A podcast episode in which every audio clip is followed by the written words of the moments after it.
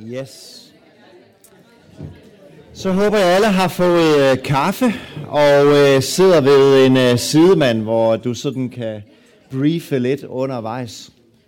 Jeg skal ikke komme ind på min kalender her i aften, men tak for øh, øh, øh, den flotte øh, introduktion, Rasmus. Og, øh, men jeg, jeg har jo fået opgaven omkring øh, planer og fremtid, og jeg ved, I skal også arbejde med det der i, i nogle af de spørgsmål, jeg stillede til, til jeres øh, grupper. Øh, men øh, så det skal vi prøve at kaste os ud i, sådan omkring sådan Guds tanker for, for øh, fremtiden. Der er ingen tvivl om, at Gud han ønsker at lede sine børn. Og det er rigtig dejligt at få lov til at opleve nogle gange, at man sådan går i nogle forberedte gerninger, eller oplevelsen af, at, at noget bare er rigtigt i den store sammenhæng. Men det der med, med fremtid og, og, øh, og sådan Guds ledelse og sådan nogle ting, det er også nogle gange lidt sjovt. Jeg havde æren af at være efterskoleforstander 8 år, og øh, nogle gange så kunne der komme sådan en, en par teenager ind på mit kontor, så kunne, de, så kunne de finde på at sige sådan noget retning af det her. Gud han har bare talt til os om, at vi skal være kærester. Og, og vi, skal, vi, skal, vi skal være sammen for altid. Sådan en stærkt oplevelse af fremtiden. Så sjovt nogle gange, så har Gud skiftet mening to, to måneder efter. Så, så, er det, så er det ikke sådan længere. Man tænker, hmm, hvem var hvad i det der, det skal ikke. Men, men de voksne gør det også nogle gange jeg har nogle gange siddet ah, nogle gange i sådan nogle lederkonflikter. Det, jeg ved ikke, hvorfor jeg havner til dem, det gør jeg tit. Hvor sådan, folk smider trumfkortet, det her med, Gud har sagt sådan her til mig. Og det efterlader sådan set alle sammen i lokalet til, sådan, hvem har lyst til at være Guds modstander? Jamen, det plejer ikke at gå dem særlig godt. Så det er sådan lidt trumfkortet, at så stopper samtalen jo et eller andet sted. Men der har man ikke sagt, at Guds ledelse for fremtiden ikke er vigtigt.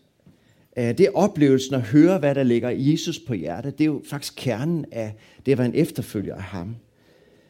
Og allerede her, så kan nogle af os, der kalder os kristne, vi kan godt være udfordret for, har vi det hele taget taget det store opgør i vores liv, i forhold til hvem, der sætter dagsordenen, og hvem, der i virkeligheden leder hvem ind i fremtiden. I sådan et samfund, hvor vi lever i sådan meget individualiseret, ikke? Øh, hvor det hele tiden drejer sig om at positionere sig selv, have styr på sit liv, sørge for sin karriere, se godt ud i andres øjne, sigte mod det store, perfekte liv, øh, så kan kristendom jo godt være en modsætning.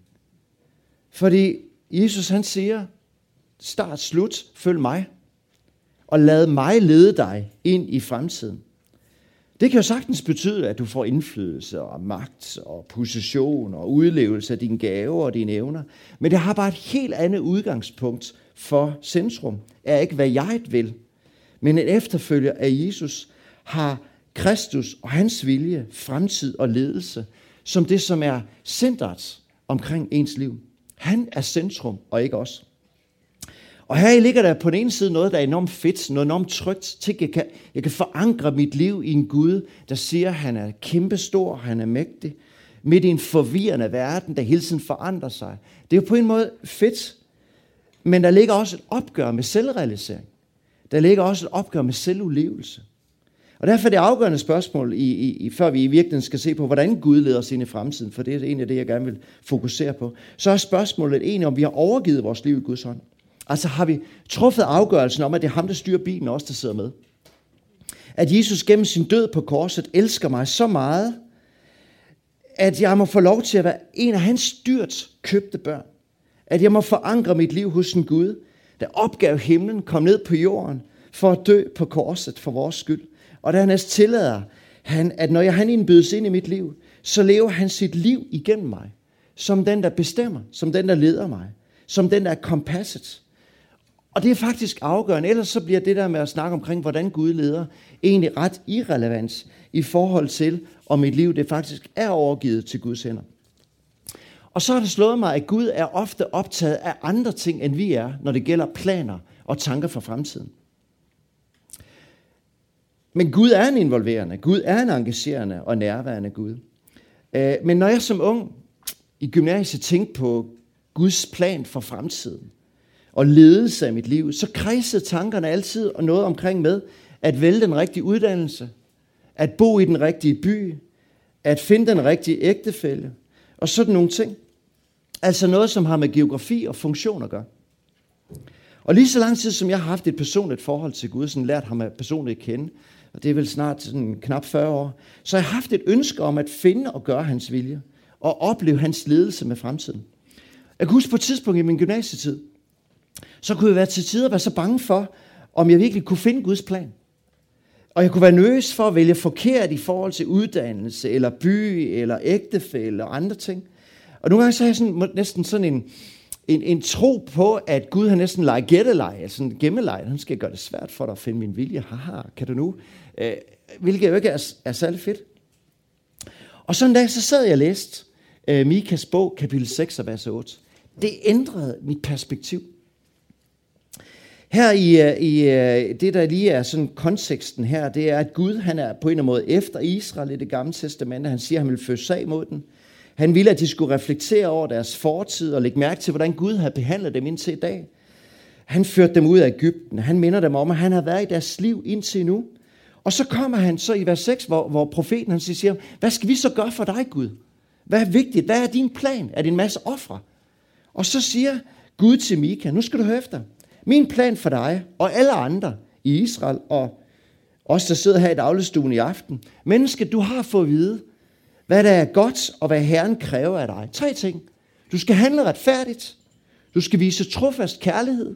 Og du skal overvågent vandre med din Gud. Det er min plan for fremtiden.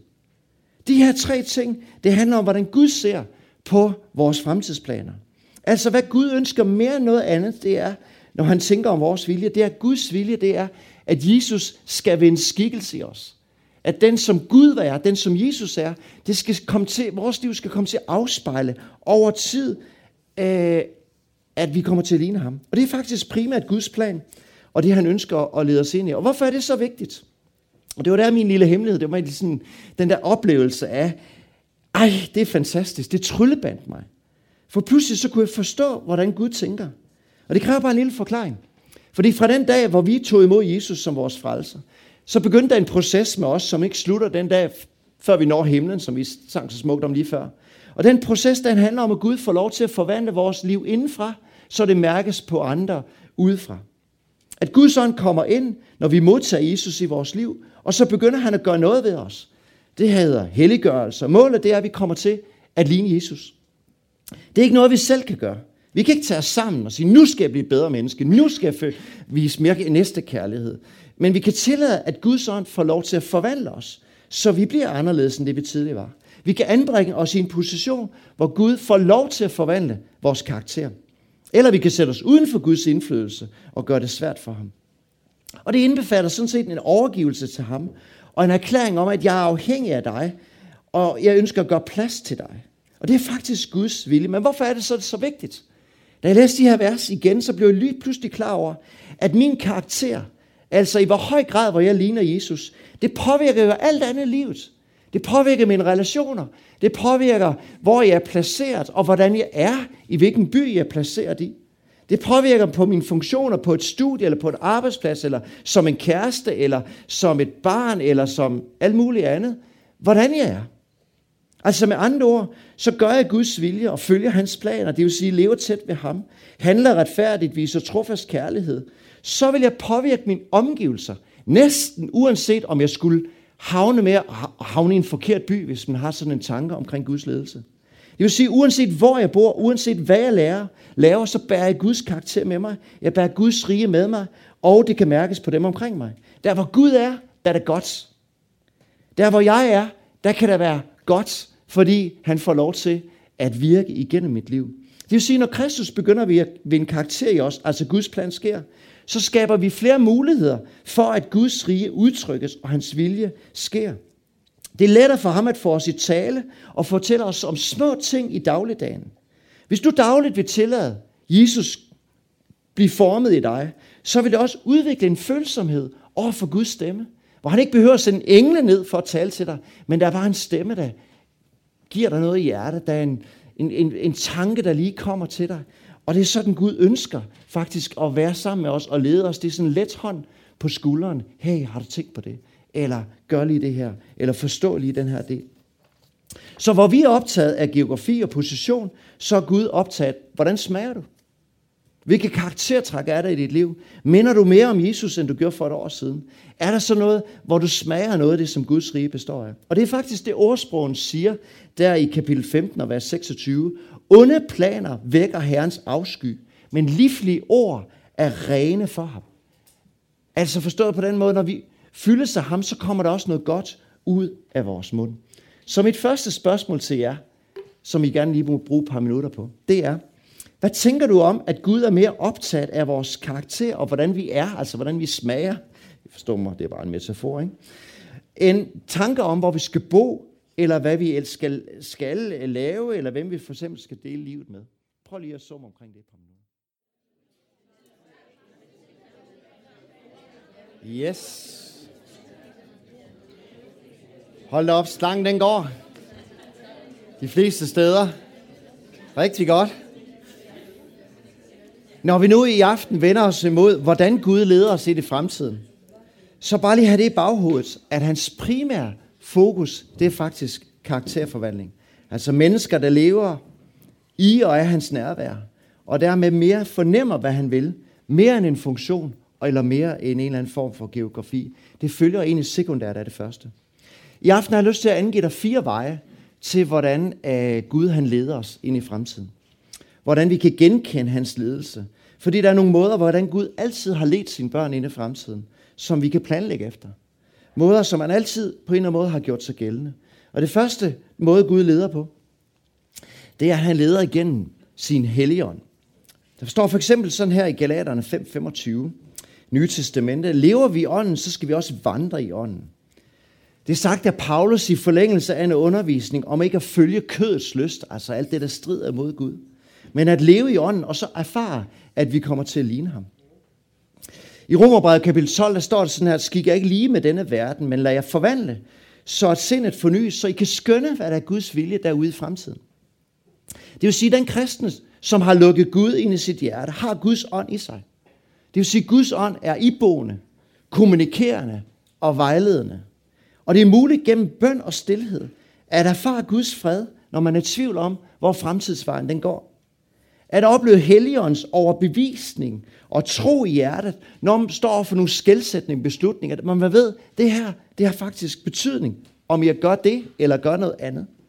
Det er muligt at opleve åndens profetiske hilsner, og nogle gange også nogle kundskabsord gennem andre, der bekræfter det, man allerede selv oplever i hjertet. Ånden er ikke tavs, men opgaven for os, det er at bringe os i stillhed, så vi hører, hvad Guds ånd siger, som bor ved troen i vores hjerter. Det kan ske meget voldsomt overvældende. Det kan også ske meget roligt, efter hvad Gud mener, vi har brug for, for at kunne stole på hans ledelse. I forhold til det, at vi øh, kom til den beslutning, hvor vi efter 20 år i Maja skulle, øh, skulle til et nyt sted, så besluttede vi, min kone og jeg, der hedder Trine, at tage på sådan et retrætecenter i Kokkedal, der er drevet af sådan et par Sankt Josefs søstre. Øh, og vi var der i et par dage, hvor man skulle være fuldstændig stille. Det var helt vildt. Altså, jeg kan godt lide at snakke, ikke? Men man må ikke sige noget i to dage. Øh, det var altså det var grænseoverskridende. Men gennem stillhed og bøn, og gennem samtaler med søster Anskaria, som havde været skoleleder hele liv, og nu var hun så nonne og drev det her klokke, øh, det der fantastiske retrætecenter. Gennem noget ro og gennem noget musik, så blev vi faktisk bekræftet i de beslutninger og planer for fremtiden, som vi fornemmede var rigtigt for os fremadrettet. Men hvor ville det være nemt at hoppe over de der handlinger, og ikke godt for sjælen. Og stillheden, det der lige oplevet, ah, Gud bekræfter, den er god nok, det er rigtigt nok, det her vi har gang i. På andre tidspunkter, så har ånden været meget tydelig og nærmest overvældende i mit liv. Måske fordi Gud vidste, at på andre tidspunkter, så har jeg brug for nogle klare fyrtårne, eller nogle søjler at læne mig op af, når jeg sådan skulle kigge mig tilbage, når jeg først trådte ud i noget, som jeg på en eller anden måde oplevede. Det her det er ret vildt. Giv dig et eksempel. Efter jeg havde været efterskoleforstander 8 år på Maja Efterskole, så vidste jeg godt, at tiden var forbi. Jeg vidste godt, at de ting, Gud havde lagt på mit hjerte, de var sket. En kort historie, det er, at jeg bliver kontaktet af skolens daværende forstander, om jeg vil blive hans afløser. Og for nogen så tænker de, det er da en naturlig løsning. Efterskole, højskole, det er elever, det er, det, det er smart, det ligger lige i kortene. Det gjorde der bare ikke ind i mit hoved. På den ene side så kunne jeg mærke, at det boblede med idéer, men jeg havde meget, meget stor tvivl om, jeg kunne løfte opgaven. Jeg var meget, meget i tvivl om, skolen havde en fremtid. Og jeg var meget, meget, meget i tvivl om, at jeg var den ret til at lede den proces. Og i den periode, hvor jeg baksede med at finde Guds ledelse, Og mens kun bestyrelsen og den daværende forstander kendte til forspørgelsen, så oplevede jeg tre ting. En studieven, som jeg på daværende tidspunkt læste diplom i ledelse med, som overhovedet ikke er kristen eller kender Gud på den måde. Han siger inde på en af vores køreture til Aarhus, jeg tror, du står over for en rigtig spændende opgave og en rigtig stor udfordring. Jeg tror, du skal sige ja til det. Jeg tænkte, øh, plejer Gud ikke normalt at tale gennem kristne? Jeg mener, så han er jo en fantastisk mand. Men, øh, men det har jeg ikke lige set komme. Et andet nært familiemedlem, som ingenting ved omkring fremtidsplanerne, ringer til mig og siger, jeg tror, der ligger noget rigtig spændende derude, som du er blevet spurgt om. Det tror jeg, du skal takke ja til. Out of the blue, på en gudstjeneste, som til sidste del, så kommer der en, som ikke på det her tidspunkt havde været i kirken i flere år. Englænder, eller han er amerikaner, taler engelsk. Og så siger han, kravler over stolen, så siger han, when you take over the Bible college, I don't say if, but I say when, then do this and this and this. Og på en måde blev det bare sådan, wow, jeg tror, at vi siger ja. Æ, og, og øh, for jeg lyder de her tre ting måske ikke som noget særligt, men fordi jeg vidste, at ingen af de her tre personer, de havde mulighed for at vide, hvad der foregik, så oplevede jeg det som åndens ledelse. Jeg var ikke i tvivl om det. Og når jeg samtidig kunne mærke, at det bekræftede noget i mig, det boblede i mig, jeg har lyst til det. Men rigtig, rigtig mange gange i de 11 år, jeg var på mig højskole, så har jeg lænet op af de tre personers udsagn, som jeg tror var åndens tale. Fordi når jeg oplevede, at tingene var rigtig tof, når jeg oplevede, det var rigtig svært, så kan jeg huske, og jeg diskuterede med mig selv, kan du løfte den her opgave? Så følte jeg mig placeret der. Der var sådan holdepunkter for min tro, at Gud havde bekræftet det her. Og det gav mig sådan en tryghed, som bare var med til at tænke, ja, den er god nok. Så, mit næste spørgsmål til jer, det er, har du oplevet, eller hvordan har du oplevet åndens ledelse i dit liv? Hvis du har, så prøv lige at del en kort erfaring, hvor du på en eller anden måde tænker, jeg har oplevet Gud tale igennem mig. Forstår I spørgsmålet? Værsgo. Yes. Snakken går godt i dagligstuen. Så Gud leder os gennem sin ånd. Han taler altid. Det er mere spørgsmål, om vi er stille nok til, vi kan høre. Den anden måde, Gud taler på, det er gennem sit ord. For eksempel står det sådan i salme 119, vers 105. Dine ord er en lygte for min fod, et lys på min sti. Så hvad siger ordet? Fordi langt den mest overvejende af Guds ledelse er knyttet til hans ord. Hvor han tydeliggør, hvad der er hans planer, og hvad der er hans vilje. Og derfor er et vigtigt del af Guds ledelse, det er hans ord. Både logos, det generelle ord, forståelsen af, hvordan Gud er, forståelsen af, hvordan Gud arbejder og handler og tænker, hvordan han fører sit folk. Tjek det med Bibelen. Er det sandt? Er det inden for Bibelens ramme? For to år siden, så kørte jeg sådan en bibellæsegruppe på højskolen, hvor vi i løbet af efterår, så læste vi Nyt Testamentet igennem sammen. Det var bare så godt for os alle sammen at læse i sammenhæng. Fordi når du læser i sammenhæng, så får du en forståelse af Guds generelle vilje og tanker. Det er faktisk det, der står i ordsprog 1921, at i et mands hjerte er mange planer, men det er Herrens beslutning, der står fast. Hvor finder vi Guds beslutninger om alt det generelle i livet? Det finder vi i ordet. Vil du kende Guds planer? Vil du kende Guds tanker? Studer Bibelen. Desuden så åbenbarer Gud os, sig også i ordet sådan nogle gange på en særlig måde, ligesom da jeg havde eksemplet der med Mikas kapitel 6, altså sådan et rema det samme du ikke oplever, når du læser, når du læser Anders Sandblad, så kommer Anders Sand ikke pludselig ud og sådan en levende skikkelse. Men du kan faktisk opleve, når du læser Guds ord, at det er levende. Pludselig så bliver noget bare, springer det bare i øjnene og tænker, wow, det er helt fantastisk. Og nogle gange kan det være noget helt andet, end det man umiddelbart sidder og læser, og man bliver pludselig klar over nogle ting. Man kan bruge rigtig mange redskaber til at opfange, hvad Gud siger specifikt. Jeg har rigtig meget glæde af det værktøj, der hedder soapstudy.com som er bare sådan fire enkle ord. Øh, study, observe, application and prayer. Læs, lad det få lov, observere, lad det få lov til at gøre et eller andet ved dig, og tænke, hey, hvordan skal jeg handle på det, og så bede over det. Der er rigtig mange andre værktøjer, det synes jeg, det virker rigtig godt for mig. Igennem året, når vi mødtes der hver tirsdag, og snakkede ganske kort om, hvad vi har læst om, så var det bare interessant, hvor mange gange, at Gud på en eller anden måde har kommunikeret ved, at vi har læst hans ord. Både når det galt det generelle, og nogle specifikke ting, som man oplevede. Så Gud leder os kristne gennem ordet. Så prøv lige at vente til den side, mand.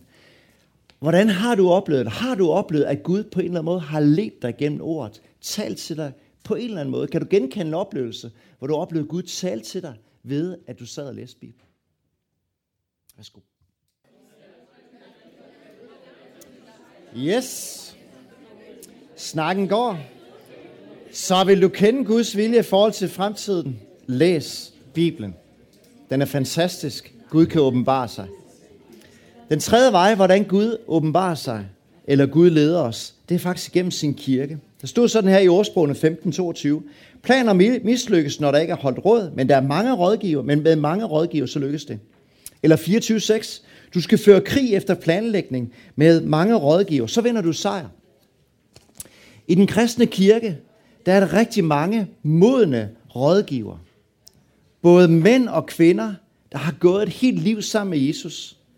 Og det at spørge nogen af dem til råds, det er at gå med en mentor, eller en vejleder, eller en medvandrer. Det er at søge gavn og visdom hos nogen, der har gået længere end vejen en selv. Det er ofte Guds måde at hjælpe os til at forstå hans vilje og genkende hans ledelse og planer for fremtiden. Det er faktisk en af de største gaver, du kan give dig selv. Det er at finde vej blandt de mange stemmer i livet, og alle de følelser, der nogle gange kan være hos os. At have en, som du kan gå med og vende dine tanker hos. Da vi stod over for det her skifte, efter at have boet 20 år i Maja, så var det naturligt for mig at inddrage en af mine mentorer. Og øh, søge hans råd og vejledning for fremtiden. Det fratog ikke på nogen måde mit ansvar for selv at søge Guds vilje, og selv at forstå Guds ledelse. Men det gav nogle inputs, der kvalificerede mig, der hjalp mig til at forstå og erkende, hvad det er, Gud ønsker, og hvad det er, han tænker omkring fremtiden. Kæmpe godt. I mit eget åndelige liv, så har jeg et par år vandret med en, der hedder Gunni Bjørsted, som øh, slet ikke kommer i de kredse, jeg kommer. Jeg nyder helt vildt de samtaler med ham, med ham. Pludselig så får jeg bare nogle indspark og en visdom for, fra en, som har gået vejen endnu længere, end jeg har. Jeg tror, det, når jeg kigger på mit eget liv, så er det et af de områder, hvor jeg har oplevet, at Gud har brugt mig mest igennem de senere år. Det er at få lov til at vandre sammen med andre, der også ønsker Guds vilje. Det er at få nogle gode råd og nogle gode input. Ikke overtage ansvaret for menneskers liv, men være et redskab, hvor igennem Gud kan kommunikere. Sådan har det faktisk altid været op igennem kirkehistorien. At vi hjælper hinanden til vækst og udvikling. Kristenlivet skal ikke leves i isolation, men i relation. Vi styrer ikke hinandens liv, men vi medarbejder på hinandens glæde og udvikling. Kristendommen er ikke en privat sag. Den leves rigtig godt sammen med andre. Der hvor jeg kommer fra i Frikirken nu, der er vi lavet sådan en mentorordning, hvor der er omkring 30-35 unge, som går sammen med en voksen mentor. Og, øh, og, og, og på ingen måde så handler det om at, at styre deres liv, men det der med at have en at spille bolden op af. Og jeg kan bare mærke, det er sådan, ja, hvor er det fedt at opleve, at jeg ikke bare selv skal finde vej, men jeg har faktisk nogen, som er villige til at bruge deres tid og investere. Ikke fratage ansvaret, men give nogle input på vejen. Så mit sidste spørgsmål, tror jeg nok, til jer, det er, hvilke rådgiver har du i dit liv, som du anvender for eksempel til at få hjælp til at finde, når det gælder planer for fremtiden? Hvordan har du organiseret det? 1, 2, 3, værsgo. Så Gud leder igennem kirken. Det sidste, jeg vil dele med jer i aften, det er, at nogle gange så leder Gud gennem omstændighederne. Prøv at overveje en gang, hvorfor er du her? Hvorfor du havnet i Aalborg? Hvorfor sidder du lige præcis her? Og jeg tror helt ærligt, det sådan kan være et væld af umiddelbare, tilfældige omstændigheder. Og så alligevel så har han fornemmelse af, at Gud, han har haft en finger med i spillet. Gud leder nogle gange igennem livets gang. Og det er egentlig det, der sker, når man udlever det, der står i ordsprogen 16.3. Overgiv dine forhavner til Herren, så skal dine planer nok blive til virkelighed. Altså først overgivelse, og dernæst så bliver det, der skal blive til noget til virkelighed. Og det, der bare var planer, det bliver sorteret fra. Nøglen ligger her i overgivelsen til Gud. Og ikke bare Gud velsign det, jeg har gang i, men led mig ind i din velsignelse. Paulus han er, han er et genialt eksempel på det her. Og der er sådan en lille seks, jeg har bare lyst til, at, øh, at vi skal læse sammen. Selvom der er en masse frække navne, så, så er det meget interessant omkring Guds ledelse. Der står sådan her midt i hans øh, anden øh, missionsrejse, i den her beretning. Står der sådan her, de rejste gennem Frygien og galatiske land, da de af helgen var blevet hindret i at tale ordet i provinsen Asien. Da de så kom hen i nærheden af Mysien, så forsøgte de at rejse til Betynien, men det tillod Jesu ånd dem ikke. Så rejste de gennem Mysien og kom ned til Troas. Og om natten havde Paulus et syn. Der stod der en mand fra Makedonien og bad ham, hey, kom over til Makedonien og hjælp os. Da han havde det syn, så forsøgte vi straks at rejse til Makedonien, for vi stod, at Gud nok havde kaldet os til at forkynde evangeliet der. Det der, det er mærkeligt. Fordi hvad er det, vi læser? Der står sådan her, at, øh, at de øh, havde en idé om, at de skulle til Asien. Men så bliver de i helgen forhindret i at tale ord der. Hvor, hvordan, det melder historien ikke noget om. Så rejser de bare gennem Frygien og til det galatiske land. Så kommer de i nærheden af Mysien og tænker, der skal vi nok i gang. Og så forsøger noget til Bethynien. Men så står der, det tillod Jesu ånd dem ikke. Hmm. Så lander de så i stedet i Troas, og så får han det her mærkelige syn om natten. En mand fra Makedonien beder ham komme over og hjælpe, og det forstår de sådan, at de skal rejse derover for at forkynde evangeliet, og det gør Paulus så. Fordi det havde Gud åbenbart for ham, at han skulle forkynde evangeliet til ikke-jøder. Så det, der er interessant, det er, han går bare i gang. Og nogle gange, så er det forhindret Gud ham at gøre noget, som han ellers ville have gjort.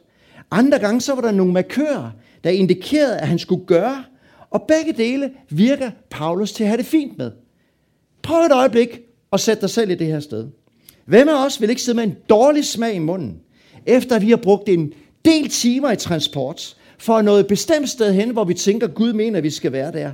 Og så siger Gud, nej, der skal ikke gå hen. Så står det bare, Paulus går bare uanfægtet videre i vidstheden om, at det er lettere for Gud at styre en bil, der kører, end en, der holder i garagen. Så Gud, hvis ikke det er rigtigt, så stop mig. Nu går jeg bare i gang. Det er interessant, at nogle gange leder Gud, andre gange så er det bare at gå i gang, og så, så bliver du stanset undervejs. Og Paulus har ikke noget problemer med nogen af tingene. Så gå i gang i livet. Se, hvilke døre, der åbner sig. Er det en åben dør, og er der ikke advarselslamper, så spring ind i den. Se, hvilke omstændigheder, og gå ind i den. For eksempel, så boede vi før vores tid på efterskolen, der boede vi i København og plantede kirke der. Det var vi mega glade for. Pludselig er nogle helt e- reelle årsager, så ændrede kirkens vision, kirken i kulturcentret, og vi skulle gå op med os selv, hvad der skulle ske med os og kirken. Og midt ud i det blå, så får vi den her indvendelse om at blive efterskoleforstander og komme til Maria. Og lige pludselig, som den der makedonske mand, så vidste vi bare øjeblikkeligt, i løbet af nogle sekunder, minutter, det her det er rigtigt. Så er vi også ansvarlige mennesker, så det var tydeligt, at vi skulle også finde en god løsning og finde min afløser. Det kan jeg fortælle en lang historie om Guds ledelse, for det skete fuldstændig overvældende. Men alt lader sig til rette. Men der er også nogle gange, at Gud leder andre veje. En af mine andre rådgiver, han hedder Paul Conrad. Han provokerede mig her for nylig, når han talte om Guds ledelse. Han sagde, at man kan jo bede om en åben dør. Man kan også sparke en dør ind. Og han er altså over 70. 75. Så hvad sagde du der? Og det var det sidste, der forstyrrede mig, fordi jeg altid tænkt om det der med at gå ind og åbne døre. Men det er selvfølgelig også lidt reaktivt, ikke? Noget udefra kommende sker, og så responderer du. Men man kan også gøre, som Paulus han gør her. Han går i gang. Han ved, at han skal forkynde evangeliet for, øh, for hedningerne. Gud har lagt det ham på hjertet. Og så går han bare i gang og ser, hvilke døre, der åbner sig, og bare går ind ad dem, og nogle gange går ind ad nogle døre, åh, oh, der var en lukket dør, okay, så prøver vi et andet sted. Det er fedt. Jeg tror, Gud bruger begge dele. Det er faktisk det væsentlige, det er egentlig at leve nær ved Helligånden. Jeg vil slutte med at dele lidt i forhold til den ledelse af fremtiden, så vi oplevede hen over de øh, to år øh, sidste år, som har set lidt anderledes ud. Vinteren 2015, så oplevede jeg, mens jeg har min egen andagt, at Gud siger til mig, øh, sådan en ganske indre stemme, du er ved at være, ved at være nå din afslutning på mig i højskole. Begynd at bede for din afløser. Og øh, det gjorde jeg så, øh, og forberedte din afslutning. Og sådan en indre overbevisning og en blanding af helligånden og livet. Jeg har jo også været der i 11 år, så det også, gav også mening, at der skulle ske noget nyt. Og normalt så arbejder man som leder sådan i 7-10 års loop, så det gav super god mening. Men det var klar indikation, nu er det tid, du, du er tæt ved at nå ankomstperronen. Så sommeren øh, 15, så orienterer min bestyrelsesformand, om to år, så vil jeg gerne holde. Og øh, så finde min afløser. Og jeg har et bud, men det er jo klart, det er bestyrelsen, der bestemmer sådan noget. At det så blev mit bud, det er fedt. Og i løbet af efteråret, så blev det så arbejdet meget seriøst fra bestyrelsen om, om, om, omkring det, og i juletid, så fandt man så min afløser i, i foråret 16, så kunne vi så melde ud, at familien Slosser flytter ned fra Vejle og bliver ny øh, forstander. Han var så lærer sammen med mig i 2016, 2017, så jeg kunne lave en smooth transition, og det spillede faktisk super godt. Det gik helt Kanon. Så i overlov i foråret øh, 17, så fik jeg så mulighed for at eller holde øh, noget overlov, og jeg fik faktisk mulighed for at skrive en bog, den har jeg taget med til i aften, netop omkring Guds ledelse. Og man kan også bruge den sådan i forhold til sit eget spejl, så den kan du købe bagefter for 98 kroner og mobile pay og det hele. Faktisk super god. Problemet det er måske den er på engelsk, men det tænker jeg, der er mange engelsktalende her. Så det kan du gøre, hvis du har lyst. Det var en fed fase for os. Men så pludselig, så stod, stod jeg og spørgsmålet, hvad skal det så ske med os? Jeg vidste, at jeg skulle slutte på højskolen, men jeg har ikke fået en indikation omkring fremtiden. Og det blev faktisk en utrolig fed fase for os, som egentlig rakte os tilbage, sådan 20 år tilbage. Gud, det er faktisk vigtigere at følge dig, end det er, hvor vi skal hen. Det handler om at følge dig, Jesus, og ikke så nødvendigvis at lede efter opgaven. Gud, nu må, du, nu må du åbne, nu må du vise os, hvad der skal ske. Så jeg bad først, skal det være forretningsliv, eller skal det være kirke? Og var klar over, at jeg skal være i kirke. Fordi der er mange i forretningslivet, der kan det, jeg kan. Der er færre i kirken, der kan det, jeg kan. Så jeg er klar, jeg tror, jeg kan tjene Gud bedst ved at tjene hans kirke. Og jeg vidste ikke, hvad der skulle ske. Og dem, der kender mig, de tænkte, ja, ja, du har en plan B. Du er jo tjekket fremtiden. Sandheden det var, jeg vidste bare, at jeg skulle stoppe. Og jeg tænker, når jeg skulle siger, så stopper vi. Så må det være, fordi der ligger et eller andet. Men der var en eller anden samtale, jeg havde med, med, med i, i Randers øh, på et tidspunkt. Og da Vitrine og jeg går, så pludselig så begynder hun at tale om Randers. Jeg tænkte, hvorfor snakker du om Randers? Randers? Randers er ikke en fed by. Randers er en dårlig by. Randers, det er næsten som Nazareth i det, i nye testamente. Det er, det er et skidt sted. Randers, der er mange banditter og sådan noget. Men, men, og så videre. Så ugen efter vi fortæller, at vi skal stoppe, så kommer der tre tilbud. Alle sammen spændende tilbud. Og et af dem er nødvendigvis så fra Randers. Og vi kan bare mærke, at det begynder at boble. Det begynder sådan, ah, det er fedt det her. Og så videre. Og der var tre ting, der kendetegnede den ledelse den her gang. For det første, det virkede bare naturligt. Det er som et tog, eller et, et tog, der kører på skinnerne uden friktion. Det var bare sådan, ja, vi, det var taknemmeligt. Hver gang jeg tænkte på, og vi tænkte på Randers, sådan, det er fedt, det er fedt, det er fedt. Randers, det, det er fantastisk. Det er et godt sted, hvor jeg tænkte, hvor kom det fra? Vi har godt nok haft det lidt stramt med Randers tidligere. Og det sidste var, at vi kunne bare ikke få det ud af sindet. Det blev ved med at bare sådan, åh, det bliver spændende den del. Alle tre ting var til stede, kombineret også med, at lederskabet og så videre, at de også synes, at det kunne være spændende, og også nogle af de tanker, som jeg går med fremtiden. Så nogle gange så leder Gud os på den her måde. Vi savner mennesker. Nogle gange spørger, savner du ikke mig? Ja, nej. Jeg savner nogle mennesker. Men der er ikke noget federe end at opleve at være der, hvor Gud har placeret dig. Der er glæden, der er lykken, der er det, det er det bedste. Og der er ikke noget værre end at være ulydig i forhold til den stemme, man, man har en fornemmelse af, at det er det, jeg skal, og så valgte man måske noget, noget anderledes. Jeg tror, at de fleste af jer sidder her i aften, grundet såkaldte tilfældigheder. At Gud har tilrettelagt relationer, begivenheder i dit liv, der gør, at du sidder her. Meget af det, der har du ikke vidst noget om. Min bog bekræfter det. Ja, og mange ting, jeg overhovedet ikke fatte noget af, før lang tid efter, når jeg så kigger tilbage. Men Gud har været aktiv, fordi Gud leder igennem omstændigheder. Så det kan være nogle gange være svært at finde Guds ledelse i livet, Guds planer for fremtiden, men Gud leder os aktivt med fokus på, at han vil gerne gøre dig mere lige Jesus. Han leder dig igennem ordet, han leder dig igennem ånden, han leder dig igennem kirken, og han leder dig også gennem de omstændigheder, der så bliver dine. Og jeg håber, der sidder en del her, som tænker, jeg har været med til at bygge Guds rige her i Aalborg. Jeg føler mig både let og kaldet til at gøre Guds vilje i den her by, sammen med Rasmus og alle de andre for lederskabet. Jeg vil være med til at forløse det, som er Guds vilje med jeres område. Jeg vil være med til at bringe evangeliet ud til alle dem, som endnu ikke har hørt det. Og det er noget af det fedeste, du kan bruge dit liv til. Om et øjeblik, så skal jeg bede om at rejse jer op, men jeg har bare lyst til at nævne det her fra ordsprogen. Har Gud i tankerne på alle dine veje, så vil han jævne dine stier. Altså, hvis du har Gud i tanke, hvis du er optaget af hvad, at leve nær ved ham, så skal han nok lægge alle stierne til rette. Måske de der stier, de er mest af alt er dem oven i hovedet, øh, og, og, og, og i den del. Øh, men det er ingen tvivl om, det er det, der er det fede. Thomas A. Kempis så siger sådan, at man proposes, but God disposes. Mennesker foreslår, men det er Gud, der disponerer. Det er godt at have foreslå og have idéer, men det er bedre at konsultere og spørge ham, der disponerer over livet, over tiden. Og så slut med det her ord. Du skal ikke rose dig dagen i den dag, dagen i morgen, for du ved ikke, hvad den bringer. Altså, håb på fremtiden. Forbered dig på alt det, du ikke kender. Drøm om, hvad der skal ske de næste mange år. Men lev nu livet nu, for du kender ikke længden af dit liv. Jeg kunne godt tænke mig lige at udfordre jer med at lige rejse op et øjeblik. Gider I det? Og øh, så vil jeg gerne bede en bøn lige om et øjeblik. Jeg tror faktisk, Gud taler.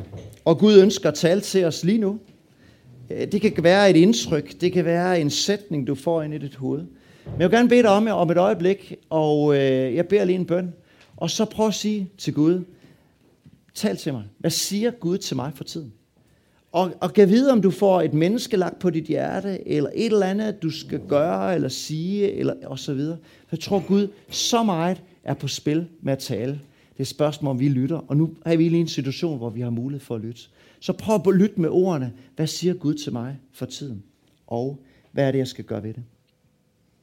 Far, tak fordi, at du er her lige nu ved din ånd.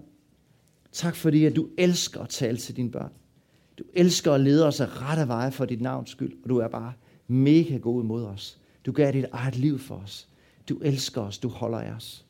Og tak fordi du ønsker sådan at forvandle vores liv. Os som ikke kan tage os sammen, os som ikke kan blive bedre mennesker, bare fordi vi vil det. Det virker ikke. Men du kan forvandle os ved din helligånd, og det ønsker du at gøre. Og tak fordi du taler ved din ånd lige nu her. Jeg beder dig om, Jesus. Jeg beder dig om, du taler ved din ånd lige nu. Kom med din indre stemme, giv et indtryk, giv et billede. Lad et bibelvers få lov til at blive tydeligt. Nogle mennesker, der bliver indprintet for vores øje, som vi på en eller anden måde skal handle på. Tak fordi vi er her lige nu, og vi ønsker at lytte til dig, Helligånd.